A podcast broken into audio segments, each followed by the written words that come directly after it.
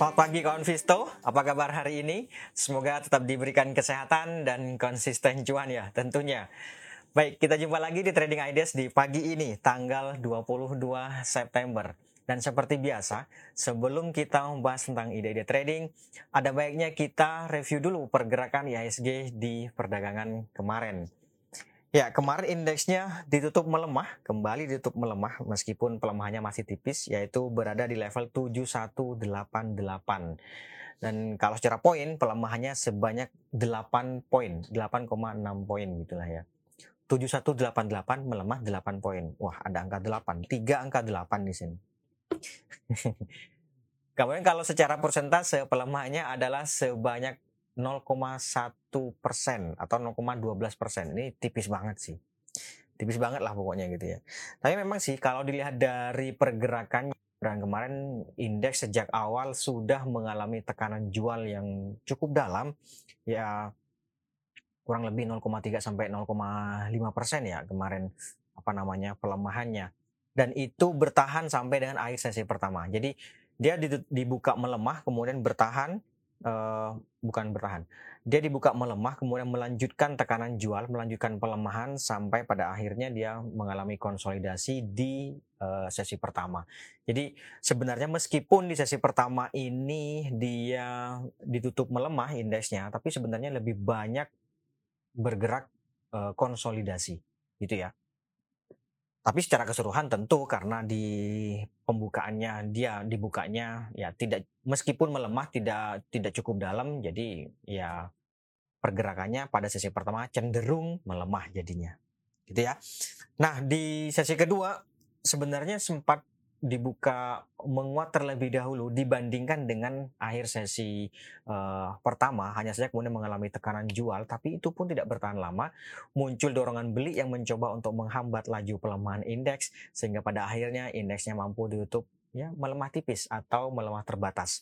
0,12 persen ini. Nah, apakah dorongan beli yang terjadi di akhir-akhir sesi kemarin itu mampu dibawa nanti ke hari ini, coba nanti kita lihat ya. Itu dia untuk pergerakan ISG di perdagangan kemarin. Dari uh, pelemahan yang terjadi di indeks kemarin, itu sebenarnya saham-saham apa saja sih yang membawa indeks bergerak melemah? Yang pertama ada BCA, kemudian ada Telkom, lalu ada Goto, ada Bumi, dan terakhir ada BRMS. Itu dia lima besar saham yang uh, membawa indeks melemah. Kemudian lima besar saham yang mencoba untuk menghambat laju pelemahan indeks. Yang pertama ada Bank BRI, kemudian ada TPIA yang kemarin menguat sampai 4,7 persen, bagus banget. Lalu ada Bank Mandiri, ada AMRT, dan terakhir ada Arto. Itu dia lima besar saham yang mencoba untuk menghambat laju pelemahan indeks. Nah, bagaimana dengan transaksi asing sendiri? Ya, di perdagangan kemarin asingnya mencatatkan net sell ini untuk pertama kalinya net sell dia ya. Net sell sebanyak 911. Bener nggak sih untuk pertama kalinya? Oh, kalau untuk regulernya enggak ya. Nah, jadi uh, secara keseluruhan di perdagangan kemarin asingnya net sell sebanyak 911 bio. Tapi kalau dilihat dari pasar reguler, di perdagangan reguler sendiri asingnya mencatatkan net sell 993 bio, hampir 1 T. Ini banyak banget sudah sih meskipun nggak nyampe satu T ya ini banyak banget net sell 993 uh, bio sepertinya sih karena ada uh, potensi untuk naiknya suku bunga The Fed yang semalam gitu ya. Nah, ya kurang lebih gitulah. Kalau secara uh, kalau di pasar nego indeksnya mampu ditutup meng, uh, sorry kok indeksnya asingnya mampu mencatatkan net buy sebanyak 81 bio. Jadi total tadi net sell-nya menjadi 911 bio. Tapi ya tetap aja net sell-nya banyak banget di pasar reguler. Ya enggak? 993 bio dan ini akan membuat hari ini membuat gonjang ganjing kayaknya. Kemudian itu dia transaksi atau net sell net buy asing. Nah, dari net sell asing yang terjadi di pasar reguler itu, saham-saham apa saja sih yang banyak dijual oleh asing? Lima besar saham yang banyak dijual oleh asing di perdagangan kemarin. Yang pertama ada Bank BCA, lalu ada Telkom, tampaknya mengalami tekanan juga dari asing. Lalu Bank Mandiri, kemudian ada Tebik, dan terakhir ada Astra Internasional. Ini yang gede-gede ya, yang banyak dijual oleh asing. Termasuk juga di antaranya ada Goto, ada BNI bahkan gitu ya. Ada Adaro juga. Oke, itu dia uh, net sell asingnya. Kemudian lima besar saham yang banyak dibeli oleh asing, antara lain ada Unilever. Unilever di peregangan kemarin uh, banyak dibeli, mengalami dorongan beli oleh asing. Kemudian berikutnya ada Pegas, ini cukup cukup menarik Pegas. Lalu ada Bank BRI, Antam, dan terakhir ada Hill. Itu dia lima besar saham yang banyak dibeli oleh asing. Nah, bagaimana dengan uh, outlook hari ini?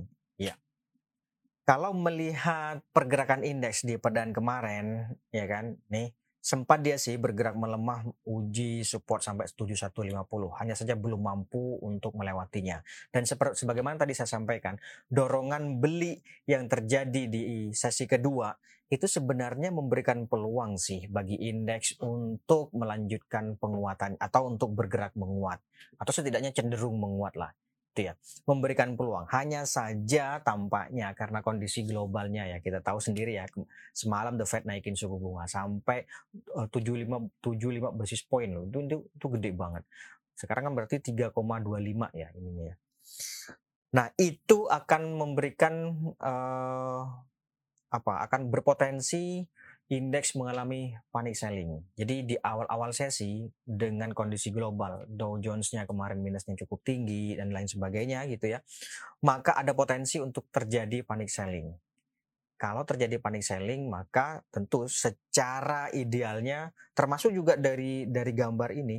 Ini kalau secara idealnya secara keseluruhan ya itu buy on weakness rekomendasinya gitu. Jadi misalnya hari ini terjadi panic selling, apalagi misalnya sampai open gap nanti menurut saya sih siap-siap aja kalau indeks berbalik arah kita ikutan. Karena bisa jadi ketika panic selling dia dibuka melemah cukup tajam, kemudian seiring dengan berjalannya waktu dia akan bergerak uh, pelemahannya semakin menipis, semakin menipis, semakin menipis kurang lebih seperti itu. Gitu ya. Apalagi nanti kan ada uh, eh, RTG yang akan menentukan suku bunga kita diprediksi sih uh, akan dinaikkan 25 basis point ya menjadi 4 persen. Mudah-mudahan itu, itu bisa mengcounter uh, yang terjadi saat ini. Oke, itu untuk ISG-nya. Diperkirakan hari ini akan kembali bergerak fluktuatif, kecenderungannya menguat terbatas. Kenapa menguat terbatas? Betul. Jadi gini, makanya tadi seperti saya sampaikan, bisa saja dia bergerak di teritori uh, negatif sih. Tapi karena ada potensi terjadinya panic selling di awal, ya kan? Nah ini yang bisa memberikan peluang untuk dia bisa bergerak menguat terbatas gitu ya. Meskipun nanti tetap aja di uh, apa namanya indeksnya berada di teritori negatif, tapi kalau tarik tren itu ada peluang untuk uh, apa namanya menguat terbatas. Tapi setidaknya secara keseluruhan melihat dari indeksnya secara keseluruhan ini rekomendasinya adalah buy on witness. Ini secara keseluruhannya. Oke, itu dia untuk Oh ya, ring pergerakannya masih belum berubah sih 7150 sampai dengan 7230. Di bawahnya 7150, 7105 nih di daerah ini nih EMA 50 di sini kawan. Gitu ya. Oke, itu untuk ISG-nya. Kemudian sekarang kita ke ide trading. Pertama ada Pegas dulu, Pegas dulu ya. Oke, ini Pegas dulu. Pegas di perdagangan kemarin dia mampu ditutup menguat dan dia mencoba untuk bertahan di atas EMA 50 nih. Munculnya hammer di sini ini memberikan peluang untuk bergerak menguat sih, melanjutkan penguatan. Jadi ini ada dua strategi yang bisa dipertimbangkan. Yang pertama, boleh saja spekulatif buy. Spekulatif buy ya 1790 sampai dengan 1810 saya pikir boleh di level-level itu. Naik target take profitnya di 1860 nih di sini nih kawan.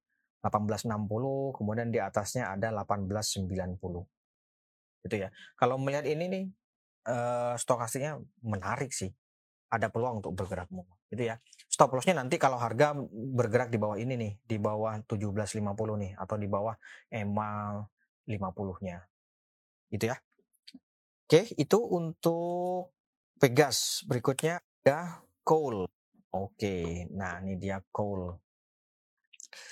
Cukup menarik sih call ini, hanya saja memang kemarin dia kan uh, terjadi long white candle. Biasanya kalau terjadi long white candle, hal yang lumrah sih kalaupun dia mengalami pause atau terkoreksi gitu ya.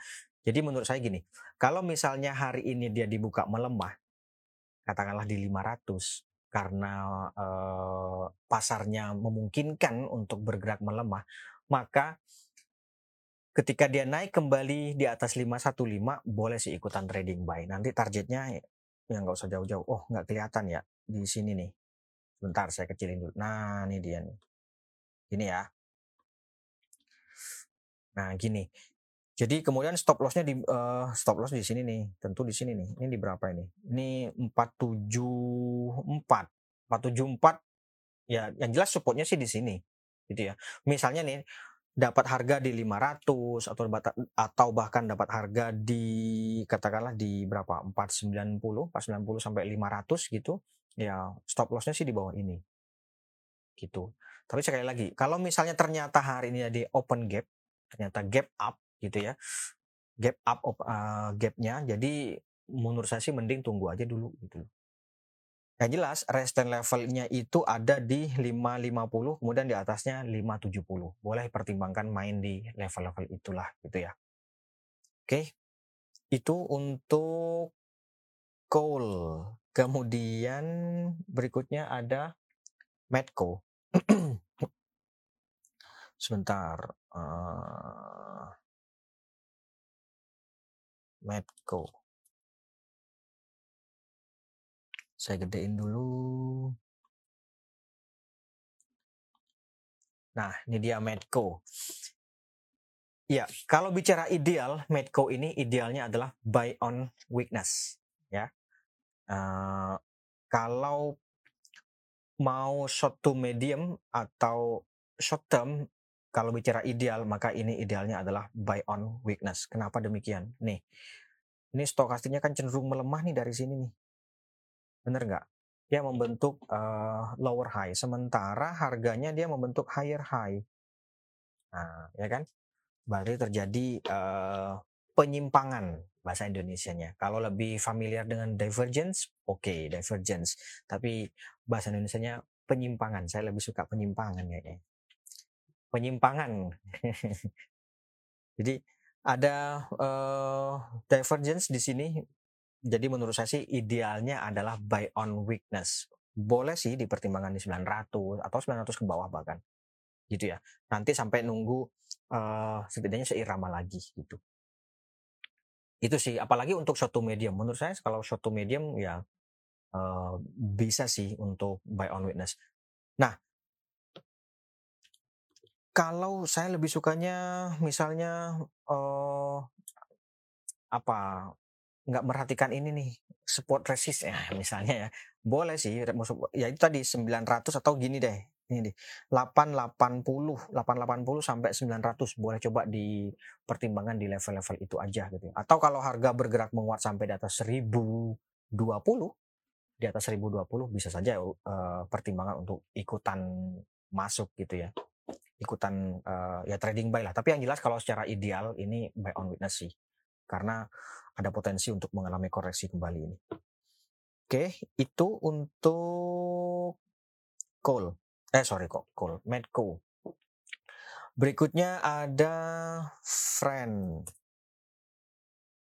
Oh ya, sebelum kita ke friend, ada informasi penting ini. Uh, investasiku membuka trading competition, jadi investasiku race yang kedua bagi kawan Visto yang uh, belum join, ini joinnya gratis kok, daftarnya gratis. Jadi coba aja kali aja hoki gitu kan. Bukan hoki sih ya nggak sih? ya hoki lah, hoki juga dong. Nah, uh, total yang bisa di hadiahnya adalah sebanyak 15 juta ya produser ya. Totalnya 15 juta. Nah, boleh uh, ikutan ya. Informasinya di web atau bisa di scan ya Pak produser ya boleh di di SS. Ini kan ada QR code di situ di layar. Itu di SS dulu, kemudian nanti daftar dari situ. Atau ya bisa saja langsung ke investasiku.id. Nanti cari di kompetisi. Informasi lengkap ada di situ sih. Itu ya. Oke, itu untuk informasi investasi kuris. Buruan, kali aja menang gitu kan. Total 15 juta loh. Lumayan. Bisa buat beli saham lagi. Oke, itu untuk uh, infonya. Kita lanjut friend ya. Friend. Friend di perdaan kemarin dia mampu sih ditutup menguat. Hanya saja sebenarnya ya karena penguatannya memang tipis, hanya satu poin kan. Dia sebenarnya kan melanjutkan konsolidasi jatuhnya gitu ya. Yang jelas resisten level terdekatnya itu ada di sini nih kawan nih. Ini di berapa ini? 84 boleh sih uh, trading buy 84 82 masuk misalnya atau 81 masuk jualnya 84 itu boleh. Oke okay lah di situ. Di atasnya 84 itu ada ini nih ini 86 ya. 86 84 86 itu yang terdekat. Bahkan ini 882 jual 83 untung kan ya enggak masalahnya hanya cukup enggak itu aja sih Oke, yang jelas resisten level terdekatnya itu 84, kemudian di atasnya ada 86, lalu di atasnya lagi berapa ya? 89. Gitu. Kalau supportnya ada di 79, kemudian 76. Ya, di level-level itu. Bolehlah coba pertimbangkan main-main di level-level itu. Gitu ya. Oke, itu untuk friend. Kemudian kita lanjut. Ada lagi buka. Ya. Buka. Nah, sebenarnya cukup menarik sih buka ini. Ya enggak? Sebagaimana saya sampaikan kemarin-kemarin, ininya kan terjadi penyimpangan lagi atau divergence gitu ya. Nah, di sininya dia lower low, ini lower high. Menarik kan? Jadi menurut saya sih ini ya buy on weakness boleh deh 278 sampai 280 oke okay lah di level-level itu. 278 280 kan hanya 10 poin ya. Ya boleh lah pertimbangkan main di level-level itu kemudian nanti kalau dapat harga di dua bahkan dapat harga di katakanlah berapa? 280 dapat harga 280 290 sih cukup sih. 290 di atasnya ada 298 ya 300 lah. 290 300 itu resistance levelnya. Supportnya itu tadi 280 eh sorry Iya betul. 280 supportnya, kemudian di bawahnya ada 2 berapa sih? 270. Ya. 10 10 ya. 270, 280, 290, 300. Oh iya, 10 10 ya. Menarik juga. Oke. Itu dia uh, untuk buka. Kemudian kita lanjut ada Goto. Oke, Goto. Nah, sayangnya Goto kemarin gerak menguat sih memang, bahkan sampai uh, uji resist di sini ya 274. Sayangnya belum mampu sih bergerak di atas itu gitu ya. Maka idealnya uh, sama sih, kurang lebih seperti kemarin. Idealnya ya buy on breakout bagi yang belum punya ya mending buy on breakout saja kalau mau bicara ideal gitu ya. Tapi apa boleh nggak sih spekulatif buy? Ya boleh saja targetnya jangan jauh-jauh di sini aja. Tapi menurut saya sih kalau spekulatif buy apalagi marketnya ada potensi untuk bergerak melemah berasa kurang pas deh. Ya nggak sih? Jadi mending gini deh. Kalau misalnya hari ini dia bergerak menguat di atas 268 bisa dipertimbangkan untuk spekulatif buy. Setidaknya di situ gitu kalau bicara ideal kan di atas 274 nih. Ya enggak jadi misalnya nih dapat harga di 270 nanti jualnya 274. Cukup nggak gitu kan? Makanya uh, uh, apa? Karena memang resisten levelnya ini sudah atau target ya resisten levelnya sudah dekat. Jadi menurut saya sih kurang worth untuk trading buy atau speculative buy. Idealnya sih menurut saya buy on breakout. Kalau mau nunggu di bawah saya lebih sukanya buy low sell high ya berarti nunggunya di bawah lagi. Boleh dipertimbangkan di bawah 250 ya di bawah sinilah 250 berarti sekitaran ya 240 sampai 250 gitu ya. Stop lossnya nanti di bawah 234 gitu. Oke itu untuk Goto. Kemudian berikutnya ada karya. Nah ini karya. Karya sampai saat ini dia sudah mengalami konsolidasi dan ini bisa saja sudah uh, distribusi. Benar nggak? Kelihatan nggak sih? Ntar, gini deh. Kalau secara teori, ini kan mudah-mudahan kelihatan ya. Ini kan akumulasi nih, ya nggak sih? Kemudian ini uh, apa namanya rally atau markup bilangnya seperti itu kan rally kemudian sini sudah uh, distribusi ya kan ini kan sideways nih udah distribusi nih ini pemegang besarnya sudah net sell sih. Bukan berarti pemegang yang jadi gini distribusi itu tidak harus yang punya barang di sini itu jualan tidak harus. Tidak harus selalu jualan gitu ya. Boleh saja dia bisa saja dia masih beli katakanlah uh, apa namanya market makernya atau liquidity providernya itu uh, apa namanya masih masih buy masih buy masih buy gitu. Tapi secara keseluruhan dia net sell ya gitulah kira-kira.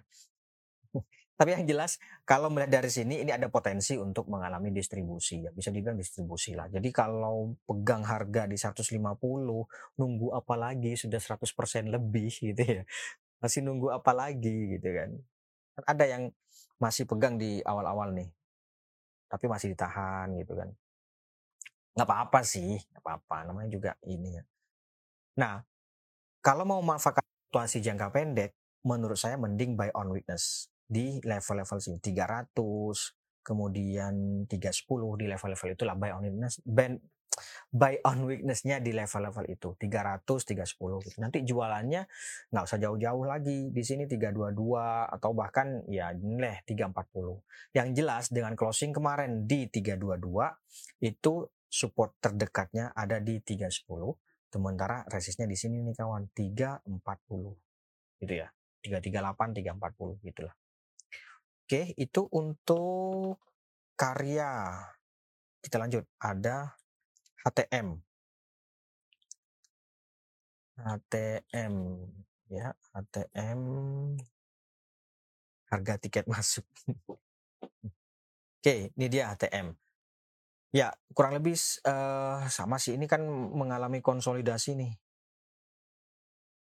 Coba kita kalau seperti ini sih pasnya dengan retracement ya, kayak gini nih. Eh, sebentar. Ginilah Nah, gini nih. Ini kan dia mencoba untuk bertahan di uh, 50. Retrace 50 nih ya. Sebentar. Iya, betul. Ini kan dia akan berkonsolidasi dia mencoba berkonsolidasi di sini nih. Mencoba bertahan di atas ini. Di atas berapa sih ini? 316. Ya, 316 kemudian ininya resistnya di ya, sini deh. Berapa? 350. 350, 316. Ya, di level-level itu. Saya pikir uh, jika tertarik dengan HTM ini mending buy on witness sih. Pertama ya, buy on witness di sini 316 sampai dengan 324 deh. Boleh di level-level itu. Atau kalau hari ini dia bergerak menguat sampai di atas 338 ya bisa saja sih. Nanti ikutan uh, spekulatif buy tapi targetnya hanya 350 atau 348 itu cukup nggak gitu ya? Lah yang jelas uh, ring pergerakannya di sekitaran ini nih yaitu 3 15 316 sampai dengan 3 uh, 50 gitu ya kalau view-nya agak panjangan mending menurut saya sih buy on breakout di atas ini jadi ketika dia breakout pas ini setidaknya relatif lebih confirm untuk dia mengalami uh, reversal gitu ya oke itu dia untuk HTM. Kelihatan kan? Ini kelihatan sih harusnya. Berikutnya ada bumi. Ya, bumi kembali melanjutkan pelemahan. Menurut saya sih uh, uh, harusnya sih sudah mulai dipertimbangkan untuk keluar sih. Ya, mau dapat di mau punya di harga berapa uh, tapi biasanya sih kalau sudah nanya yang bumi sekarang itu bukan seharusnya sih bukan lagi apakah saya boleh keluar atau tidak, tapi mau masuk sih harusnya ya karena kan ini kan sudah mengalami pelemahan cukup dalam nih, boleh masuk nggak? Harusnya sih gitu. Bukan bukan lagi bertanya uh, bisa keluar nggak, boleh keluar nggak. Harusnya sih enggak keluarnya sih udah kemarin-kemarin kan saya sampaikan juga. Nah kalau seperti ini sekali lagi mending tunggu muncul dorongan beli yang setidaknya mencoba untuk menghambat laju pelemahan harga ini. Ini kan sudah seminggu lebih nih mengalami tekanan jual. Ya jadi menurut saya sih mending tunggu dulu deh tunggu tunggunya itu sampai sampai kapan ya sampai muncul dorongan beli. Setidaknya gini deh kalau gampangnya buy on breakout di atas 166 deh. 157 ke 166 itu kan lumayan spreadnya. Berarti kan maunya trading kalau demikian ya nggak? Beda sih uh, ininya. Jadi kalau maunya trading ya mesti main cepat sih. Setidaknya di atas 160 misalnya hari ini dia bergerak di atas 160 bisa saja ikutan spekulatif buy ya 166 udah keluar. Bahkan 163 menurut saya sih boleh dipertimbangkan untuk keluar. Tapi sekali lagi ini kan trennya sedang turun lima hari terakhir. Kurang menarik juga sih kalau untuk di apa namanya trading juga gitu. Ya nggak sih? Yang jelas tunggu dorongan beli deh. Kalau muncul dorongan beli ikutan nggak apa-apa gitu aja ya. Itu untuk bumi. Berikutnya Indo. Nih, kemarin dia sempat bergerak menguat. Awalnya open gap. Makanya kalau kalau open gap mending tunggu di bawah aja sih. Buy on weakness maksudnya. Nih, Indo sempat bergerak menguat tapi kemudian mengalami tekanan jual sampai di akhir sesi dia uh, apa namanya tekanan jualnya lebih mendominasi. Nah ini munculnya shooting star nih shooting star sih bisa dibilang shooting star tapi ya nggak sempurna banget sih ya atau black closing marubozu gitu aja deh gampangnya. Nah ini berpotensi untuk membawa harga kembali mengalami uh, koreksi. Jadi mending yang punya boleh dipertimbangkan take profit terlebih dahulu. Nanti kita bottom fixnya tunggu di 135 ke bawah lah. Ya, atau misalnya hari ini dia bergerak menguat sampai di atas 154 ya bisa saja ikutan spekulatif buy nanti uh, jualnya di 159 gitu-gitu. Sejauh-jauh. Oke, terakhir SCMA. Nah, SCMA ini sebenarnya masih menarik sih. SCMA ini Kemarin dia ditutup uh, melemah ya, tipis. Uh, ini sudah bisa spekulatif buy sih. 216 sampai 220 boleh dipertimbangkan di level-level itu. 216 sampai 220 ya. Nanti target take profitnya di uh, berapa? Target take profitnya 2 2 sampai 236. Boleh dipertimbangkan di level-level itu. Stop loss di bawah 210. Oke, baik. Saya pikir itu dulu kawan Visto untuk hari ini. Terima kasih atas kehadiran dan partisipasinya. Kita jumpa lagi besok. Tetap jaga kesehatan. Mohon maaf jika ada salah kata. Sekali lagi terima kasih. Selamat pagi. Salam investasiku for better tomorrow.